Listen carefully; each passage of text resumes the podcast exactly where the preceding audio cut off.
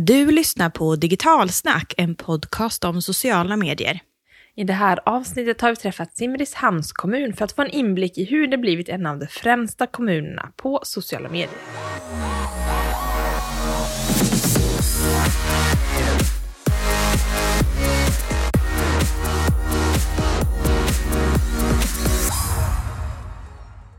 Hej och välkommen till Digitalsnack, social media-podden. Det här är ju podden som tar er in på insidan av strategi. Mm. I dagens avsnitt ska vi få veta hur Simrishamns kommun gått från att vara ja, ett icke-existerande egentligen eh, varumärke på sociala medier till att sedan flera år tillbaka vara i toppskiktet kring engagemang på sociala medier. Det blir ett spännande samtal med Anders Svensson som varit med på hela den här resan. Och det väntar inom kort i den här podden, så fortsätt lyssna. Eh, vad annat händer annars inom sociala medier som kan vara bra att vara uppmärksamma om? Jag tänker ju nu i slutet av maj så är det ju nästan lite sent att börja planera hösten för liksom sociala medier. Men om man ändå inte kommit igång med planeringen, då kan vi väl ge några tips, tänker jag. Det tycker jag också. Först är det att sommarsäkra sina sociala medier, för det är ju ganska mycket som händer under sommaren. Bland annat många som kanske vill ta lite semester. Och här, gör en plan vilket innehåll som fortsatt är relevant hos er målgrupp under sommaren. För det är ju så att vi på Digitalsnack, vi ändrar ju vårt innehåll under sommaren. För då kanske vi inte är lika relevant med det som vi jobbar med annars. Och hur håller man engagemanget uppe och svara på kommentarer och meddelande? Det är bra att göra en plan som sagt och även utbilda personer som kanske ska ha lite eh, ja, men ansvar under sommaren som annars inte har det. Och sen är det ju bra att titta på den här kampanjplanen. Och för er som har lågsäsong under sommaren och vill istället gasa igen till hösten, ja men då är det dags att börja planera nu själva strategin för höstens kampanjer. Det är nu du har tid att sätta dig ner och fundera på vad som kommer ge mest effekt och hur du ska lösa hösten. Mm, det är mycket planering just nu som händer för olika sommarsemestrar, men också för att komma igång ordentligt i höst. Det är ju viktigt inte att låta sociala medier helt dö ut under sommaren. Ja, för annars finns det en stor risk då att du kommer få en gigantisk uppförsbacke i höst. Och den är ju inte så roligt. Alltså dels så har ju inte ni funnits alls i personers flöde, så att man har glömt bort er kanske. Men sen så är det också att algoritmen har liksom sorterat ut er, för ni har inte varit någon bra publicist under den tiden. Och då blir det igen att börja alltihopa på nytt och försöka skapa medvetenhet kring ert varumärke. Och det blir lite svårare.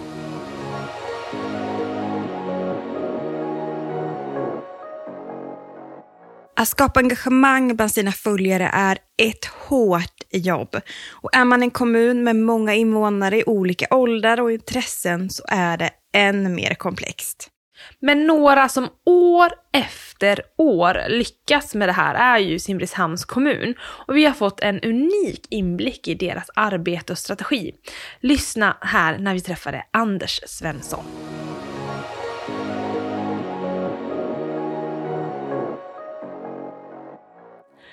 Varmt välkommen Anders Svensson till Digitalsnackpodden. Stort tack för det Cecilia. Du är ju kommunikationsansvarig på Simrishamns kommun och har gjort en fantastisk resa som vi ju ska få lyssna på. Men för att våra lyssnare ska få en lite bättre bild av dig, en liten kort presentation kanske är på sin plats. Ja, jag ska försöka verkligen att hålla den kort så att säga. Men äh, ja, blir 39 år i sommar om åldern är intressant. Äh, bor i, längst ner i Sverige i Ystad i Skåne då och har väl ja, snart arbetat 20 år i mediebranschen.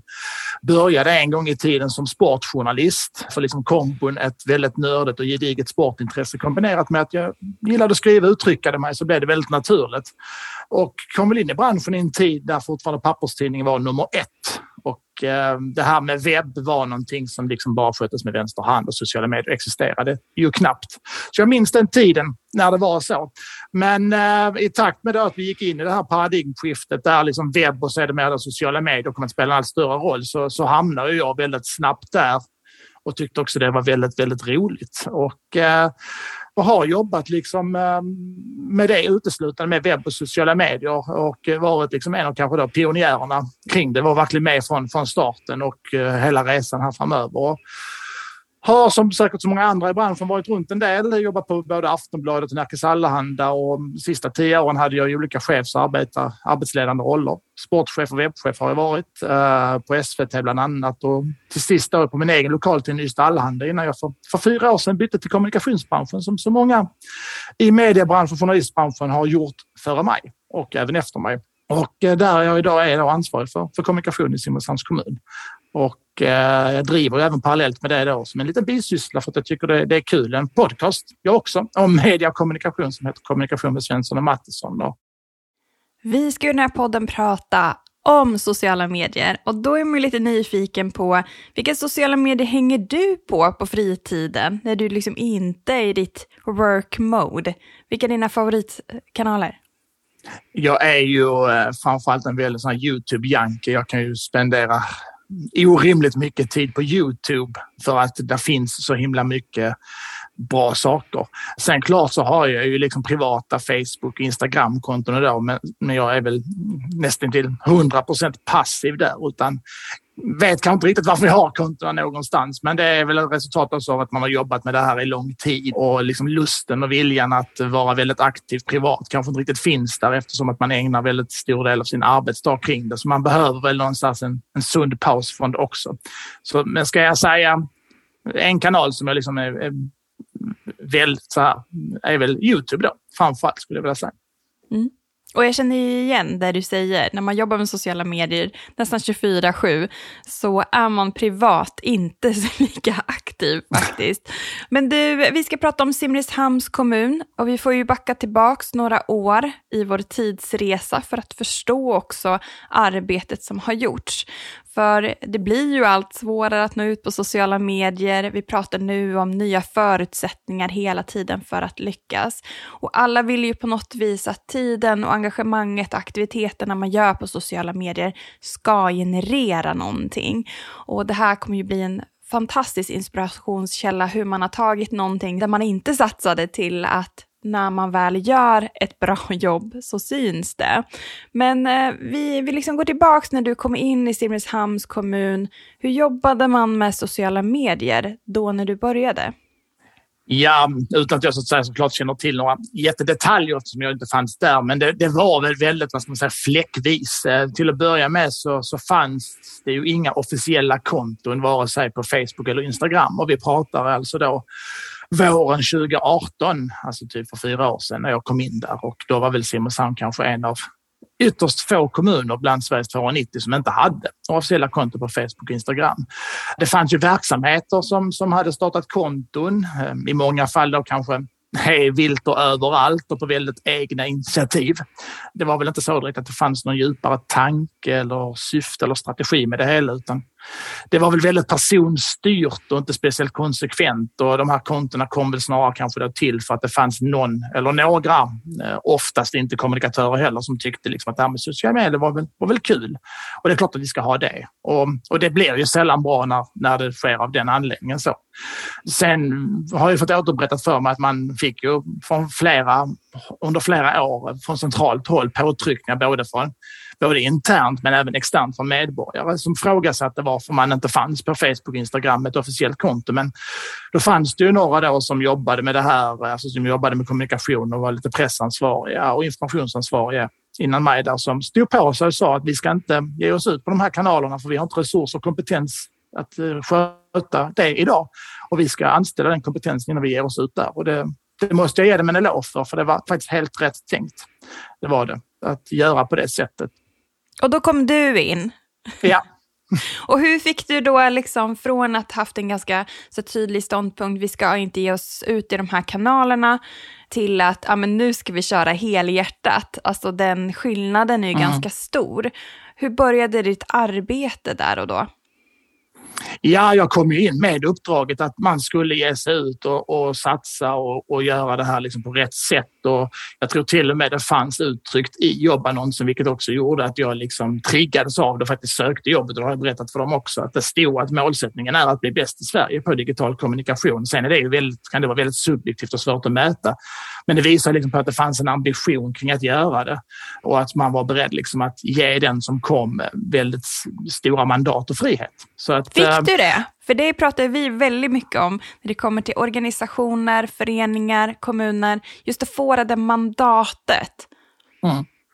Ja, det fick jag och sen kan man väl säga att sen har jag väl också tagit en del av mandatet just för att det är nödvändigt att göra det.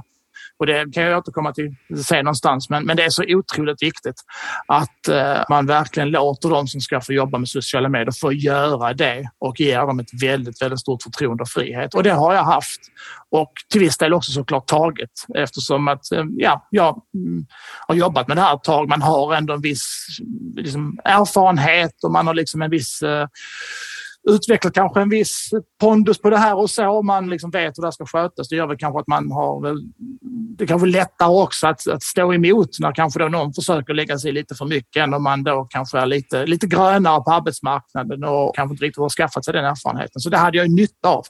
Men eh, det var väl kort och gott att eh, starten eh, så var det väl att alltså, verkligen göra en gedigen omvärldsanalys någonstans. Och kanske då så identifiera då de här vännerna i viken, alltså vilka i organisationen tycker det här är bra och viktigt och förstå värdet av att vi är, är duktiga på detta och så får man liksom alliera sig lite grann med dem och skapa goda vanor och exempel. Jag tror aldrig att alla kommer vara med på tåget, inte i någon organisation eller företag och det får man bara liksom acceptera. I bästa fall så lyckas man vända en och annan skeptiker som till sist polletten trillar ner, men gör det inte det så får det liksom vara så. Man får lägga energin på de organisationer som vill bidra på något sätt.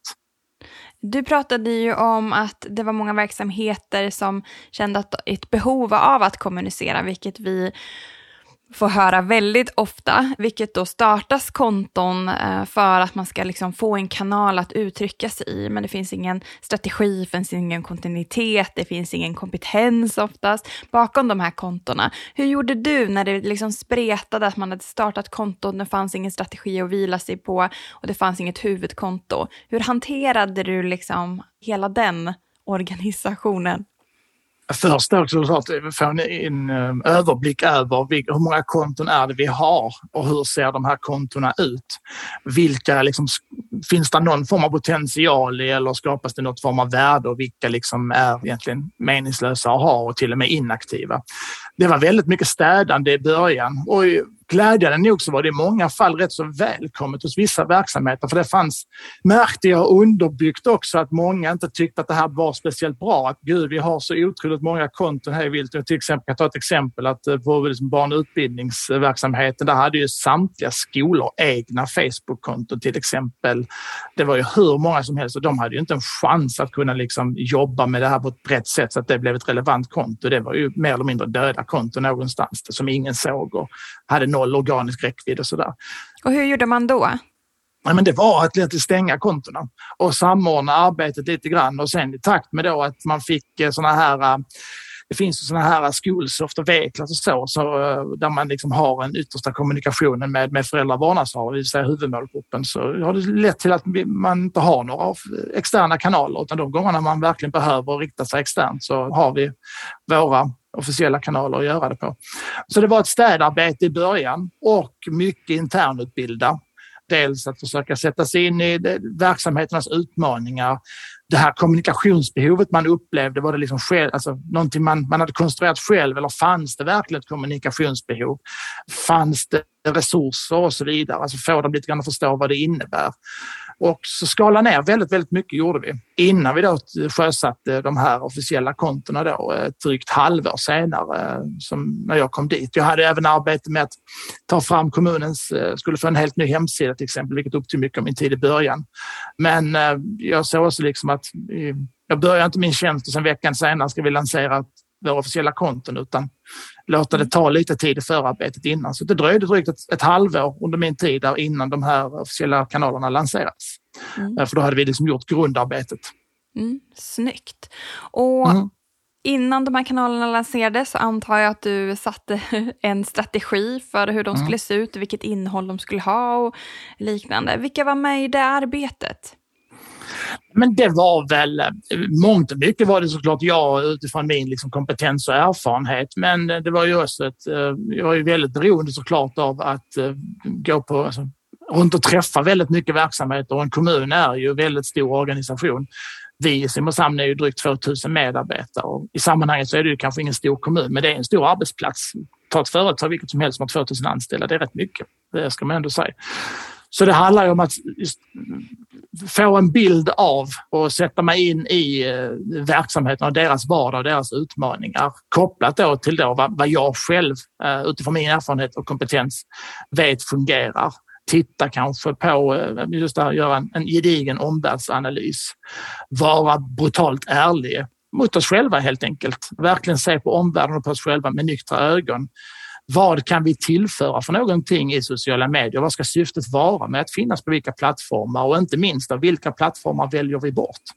Och sen blir det ju en väldig inledningsresa att testa framförallt när det gäller liksom våra officiella kanaler så var det ju helt outforskad mark. Det var ju liksom verkligen från scratch. Det är liksom, jag klickade liksom på aktivera de här kontona. Det var noll följare, noll inlägg. Det var bara noll. Och sen börjar man därifrån.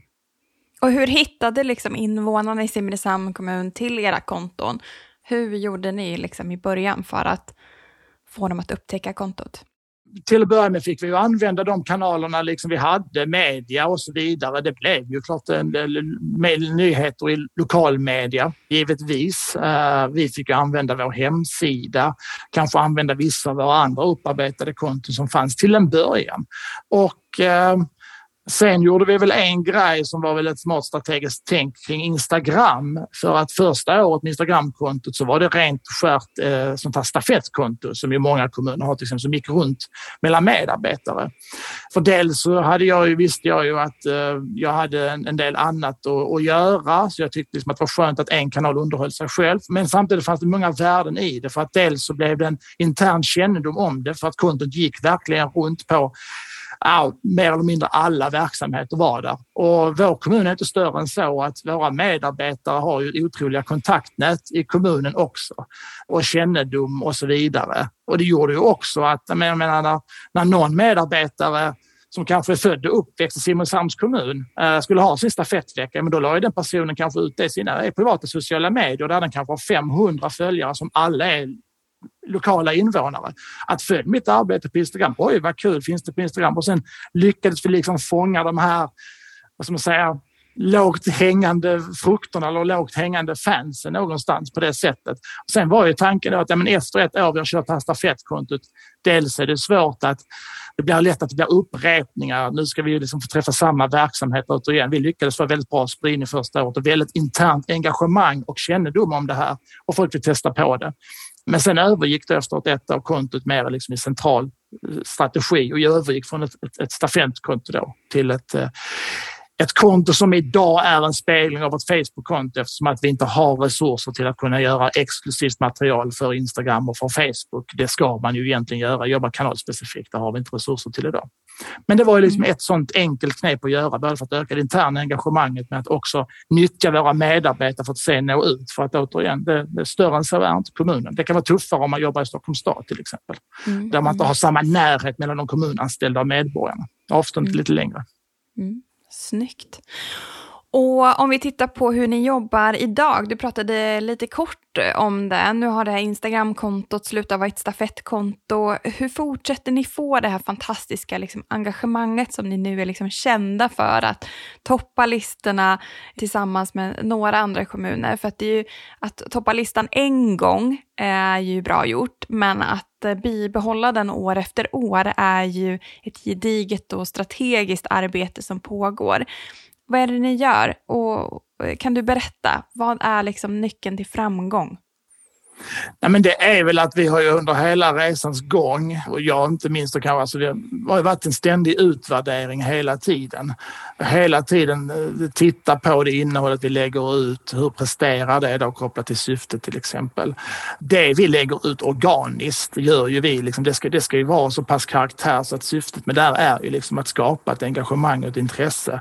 Sen finns det absolut gånger då vi lägger ut, liksom gör sponsrade inlägg och så, men då är det i regel när vi har antingen Eh, det ska ske någon form av konvertering. Alltså vi vill att eh, den som ser det ska göra någonting. Den ska signa upp sig, anmäla sig till någonting eller ta del av en viss information på hemsidan. Vi vill leda dem vidare. Då är det sponsrade inlägg vi kör. Eller där målgruppen är väldigt, väldigt specifik. Men annars så jobbar vi ju så, det är ju både proaktivt, eh, alltså att vi från centralt håll söker upp verksamheter själva med uppslag och idéer. Det kan vara saker och ting som vi vet funkade som vi vill liksom göra igen eller, eller göra en spin-off på. Det där blev väldigt bra. Skulle vi liksom, det, det, någonting som blir väldigt bra kan ju sen leda till flera ytterligare idéer framöver. Men sen kommer det även mycket initiativ från verksamheterna själva som hör av sig själva för de har ju liksom också under de här åren sett och förstått själva lite grann med vad är det liksom som funkar och så. Det, Alltså jag begär inte att de ska förstå det fullt ut. De är inte professionen så, som, som vi som jobbar med sociala medier är, men, men det har ändå blivit en rätt utspridd medvetenhet så att man hör ofta av sig liksom med saker som att det där är liksom klippt och skuren för att vara ute och det är precis så det ska vara. Det ska liksom vara ett dragspel. Det ska, det ska både komma ett initiativ från, från oss som jobbar med det, men verksamheten ska också känna att de kan höra av sig till oss när de har kul saker och så vidare. Sen finns det en grov planering där det finns otroligt stort utrymme för spontana saker. Det är otroligt rörligt är det. Jag tror liksom inte att man, man kan liksom sätta ramarna någonstans, men sen får man också vara beredd på att vara väldigt så att säga rörlig kring det och jag tror inte heller på att mycket av innehållet i sociala medier blir inte bättre för att man lägger otroligt lång, mycket tid och möda på det, utan det är ju oftast det här som är väldigt liksom, alltså Aktuellt säga, just nu. Ja. Mm -hmm. Eller som är liksom väldigt, så här, jag brukar säga så strategi och hantverk ska sitta ihop. Det ska inte finnas ett avstånd däremellan utan man ska liksom kunna, ja, men, en idé som poppar upp klockan nio vid kaffeautomaten kan liksom vara omsatt klockan elva ute i våra kanaler till exempel. Det ska vara så pass rörligt och flexibelt. Det är nu viktigt att man har den närheten. Sen såklart, grovplanering finns, men den är otroligt preliminär. Vilka är det som jobbar då med kanalerna? Hur många är ni? Hur hanterar ni kommentarer som kommer in för att driva på det här engagemanget? Hur ser det mm. ut? Det är jag primärt som jobbar med det, alltså som sätter liksom det, det strategiska ramverket och eh, är väl liksom kontaktpersonen.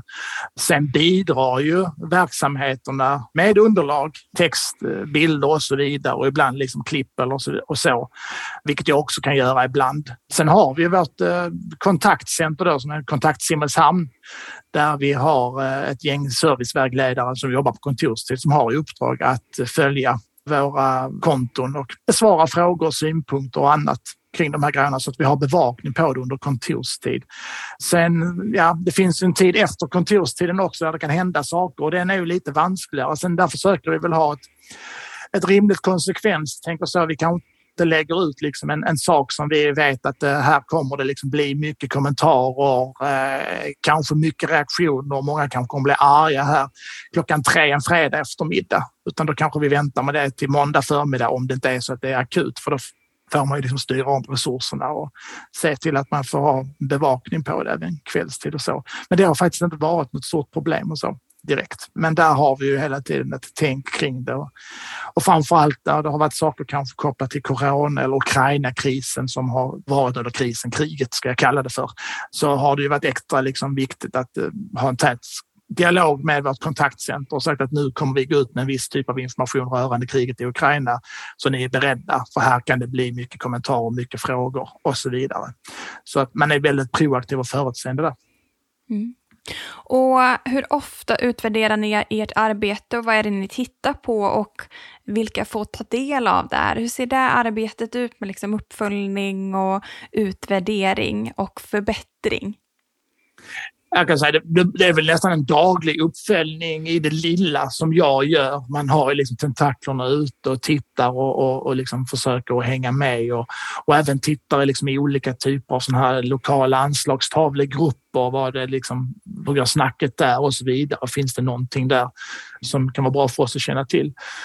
Men annars är det att man tittar liksom både veckovis, vi kan liksom titta kvartalsvis, halvårsvis och så vidare. Och vi har ju en, vad ska man säga, en, en förvaltningsövergripande grupp som jag var med och tog initiativ till när jag började. Den centrala kommunikationsgruppen kallar vi det för rent och slätt CKG förkortningen, där vi har representanter från samtliga förvaltningar som har något form av kommunikationsansvar. För vi har inte kommunikatörer på alla förvaltningar. Vissa har vi heltidsanställda kommunikatörer och andra inte, utan de har det som en del i, i andra arbetsuppgifter de har. Men vi har ändå en kommunikationsgrupp där samtliga förvaltningar och vårt kontaktcenter är representerade där vi kan ta upp sådana här frågor och följa upp och så ha det som en, en utbildande instans. Och också ett sätt för oss att kunna skicka med saker från centralt håll som de kan ta med sig till sina förvaltningar sen, men också för att vi ska kunna få input från förvaltningarna kring olika saker så att vi har liksom eh, månadsvisa träffar över förvaltningsgränserna just för att behålla den här samsynen och förståelsen och fånga upp frågor stort som smått som dyker upp eller behov för den delen.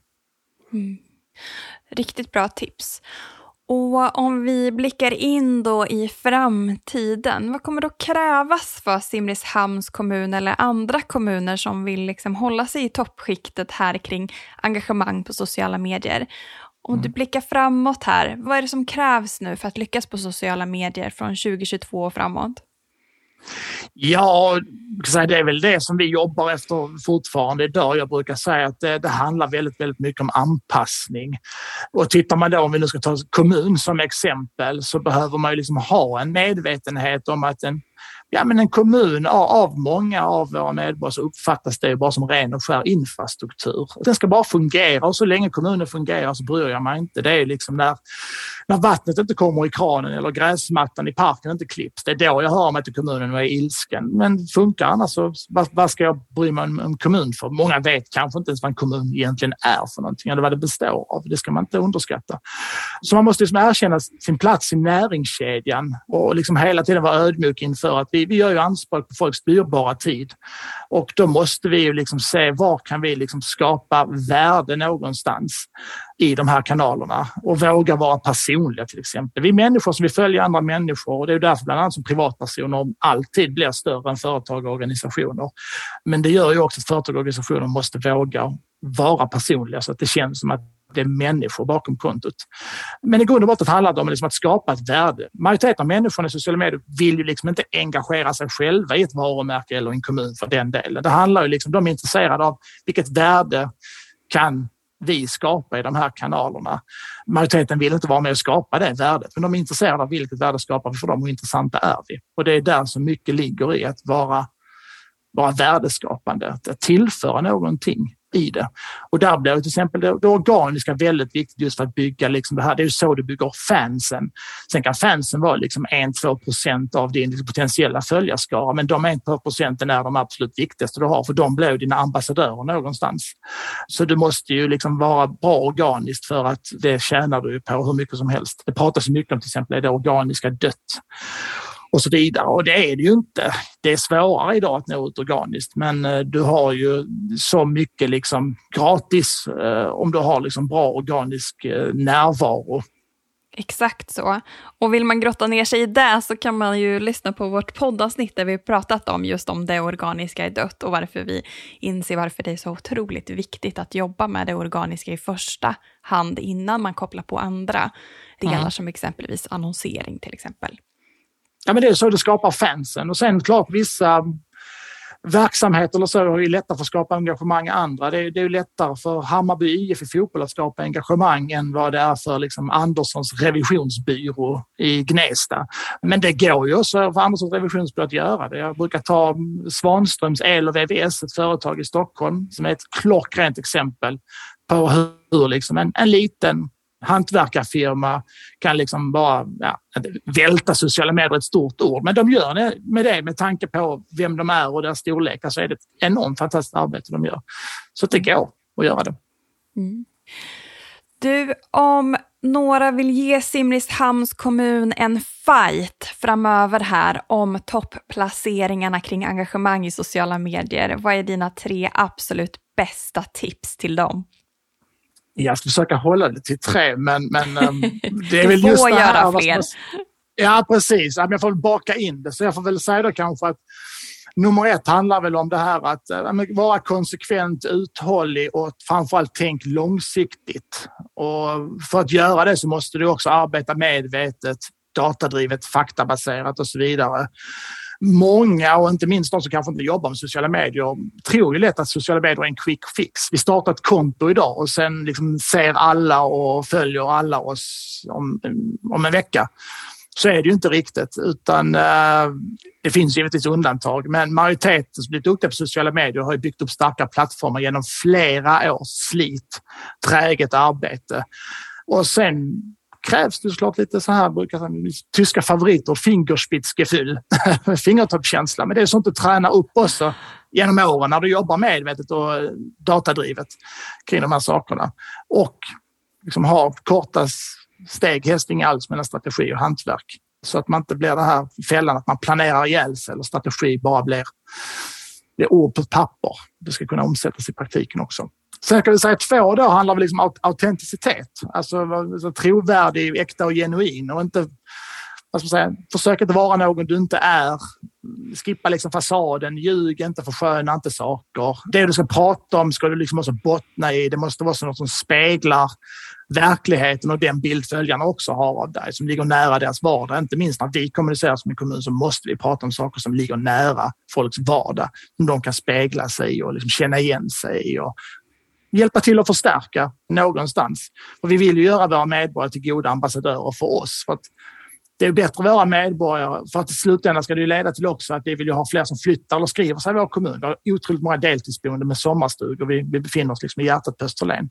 Men jag menar, kan vi få några med våra medborgare att säga till liksom sina kompisar eller vänner någon annanstans i Sverige att men vår, liksom, prata sig varm om vår kommun så är det bättre att de gör det än att vi själva gör det. De har mycket högre trovärdighet till exempel. Det är samma om om jag säger att jag är en duktig kock så har jag inte samma trovärdighet som att mina vänner säger att jag är en duktig kock. Mm. För jag är ju partisk, jag kan inte vara något annat. Så att vi vill ju skapa det här ambassadörskapet. Men det gör man ju liksom att vara väldigt autentisk. Jag brukar säga radikal autenticitet någonstans. Det blir bara viktigare och viktigare för att bygga den här communityn eller den här digitala stammen som vi också pratar om i den här tiden. För att det, det är där vi landar mycket sociala medier. Vi blir digitala stammar. Och de här communityna är så otroligt värdefulla för det är där du har dina fans. Och det är det som sociala medier handlar om. Tre är ju den här attentionsprincipen, alltså jobba efter den. Otroligt viktigt. Attentionsprincipen är trovärdighet gånger uppmärksamhet. Du behöver liksom vara trovärdig i det du kommunicerar men du måste också kunna göra det, paketera det på ett sånt pass attraktivt sätt så att du kan få folk att vilja titta på eller ta del av det du gör. Och saknar du det ena men har det andra så kommer du längre inte att lyckas i sociala medier. Är du väldigt trovärdig spränglare men inte kan förmedla det på ett sätt som folk tar till sig så eh, når du inte fram. Och är du samtidigt duktig på att dra, dra uppmärksamhet till dig men du inte är så trovärdig. Du liksom, du kanske bara håller på och liksom det blir freakshow och så vidare. Ja, det kanske kan leva ett tag, men sen kommer någon annan som är ännu galnare än vad du är och sen så försvinner du ut. Så att trovärdighet gånger uppmärksamhet är otroligt viktigt. Så attentionsprincipen, jobba efter den. Tänk hela tiden på att ha de två grejerna. Mm. Och någonting annat som du sa, som även Jonas sa från Bumblewing när han eh, gästade podden, var det här att vara ärlig mot sig själv. Att titta på datan, att titta på statistiken och vara ärlig och säga, är det här good enough? Är det här bra nog? Och eh, så här, kan vi vara bättre? Ja, det kan vi. Ja, men då ska vi också göra ett bättre jobb än att så här, försöka skylla ifrån sig att ja, men de här siffrorna, de stämmer inte för att, för då kommer man ju inte bli bättre. Så jag gillade det du la in också som ett bonus bonustips nummer fyra här, då, att också vara ärlig mot mm. sig själv, hur duktig man faktiskt är i sociala medier. För det är först då man kan göra någonting, en förändring och göra någonting åt det. Så är det absolut. Det är helt rätt. Och, så, och jag brukar säga också återigen, alltså, på liksom en rätt fråga, måste en kommun finnas på sociala medier? Många säger säkert att ja, för alla är ju där, men jag säger att av just den anledningen så är det inte alls en självklarhet att man ska finnas på sociala medier. Om du inte liksom skapar något värde eller tillför någonting för, för din målgrupp och använder liksom eh, sociala medier väldigt inkonsekvent och som liksom en anslagstavla där saker slängs ut hej vilt och det finns ingen syfte, ingen strategi och du låter kanske andra i ditt företag eller organisation eh, bestämma innehållet. Eh, innehållet ska passera massa chefsled innan det ska gå ut och så vidare. Men då är det bättre att inte finnas på de här medierna och så vidare. Så att eh, många kanske behöver vara ärliga och det ska man vara ärlig och säga så finns det många som skulle kunna stänga ner sina konton. Det måste man vara ärlig och säga. Och det är ju antingen, precis som du säger, att antingen så behöver man ta ett omtag och, och verkligen se liksom, vad kan vi göra annorlunda? Hur kan vi höja nivån här? Men har man inte resurserna eller kompetensen och så, nej men det är helt okej. Okay. Man måste inte finnas på sociala medier. Man har väl åtminstone en hemsida och så vidare. Och det finns ju andra kanaler också. Att göra sociala medier bara en av dem. Så att, uh, det är viktigt att tänka på. Och där tror jag, precis som du säger, ärlighet mot sig själv är väldigt, väldigt viktigt. Mm. Stort tack Anders för att du var med i Digitalsnackpodden. Tack så mycket för att jag fick vara med.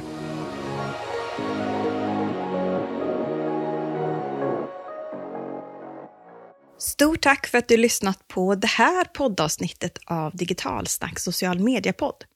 Dela gärna med er och kom ihåg att tagga oss i sociala medier när ni har lyssnat på något av våra avsnitt och berätta vad ni tyckte om det. Och glöm inte att om ni prenumererar på den här podden så får du tillgång till den tidigare än resten. Tack, Tack och hej!